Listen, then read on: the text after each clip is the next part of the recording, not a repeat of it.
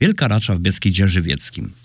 Podanie głosi, że nazwa szczytu pochodzi od słowa raczyć się, gdyż ponoć po zakończeniu sporów granicznych władający żywiecczyzną komorowscy wraz ze swymi węgierskimi adwersarzami urządzili na granicznym wierzchołku wielką ucztę, w czasie której obficie raczono się winem.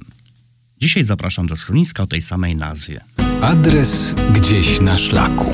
Poznajemy najciekawsze schroniska w polskich górach. Na Wielkiej Raczy od chwili uruchomienia schroniska w 1934 roku działo się tak dużo, że dzieje tego miejsca mogłyby posłużyć jako gotowy scenariusz do filmu.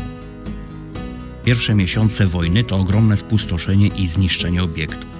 Na Boże Narodzenie 1940 roku schronisko było już po remoncie i prezentowało się całkiem dobrze. Po rozpoczęciu wojny ze Związkiem Radzieckim Niemcy wykorzystywali schronisko do szkolenia żołnierzy. Z kolei, gdy rozpoczęły się angielskie naloty na Niemcy, Luftwaffe zorganizowała na szczytach gór przeciwlotnicze punkty obserwacyjne. Posterunek taki powstał także na Wielkiej Raczy. W tym celu na szczycie wzniesiona została wieża obserwacyjna i zamontowane na niej reflektory przeciwlotnicze. Po wyjściu Niemców na schronisko ruszyli szabrownicy. Adres gdzieś na szlaku.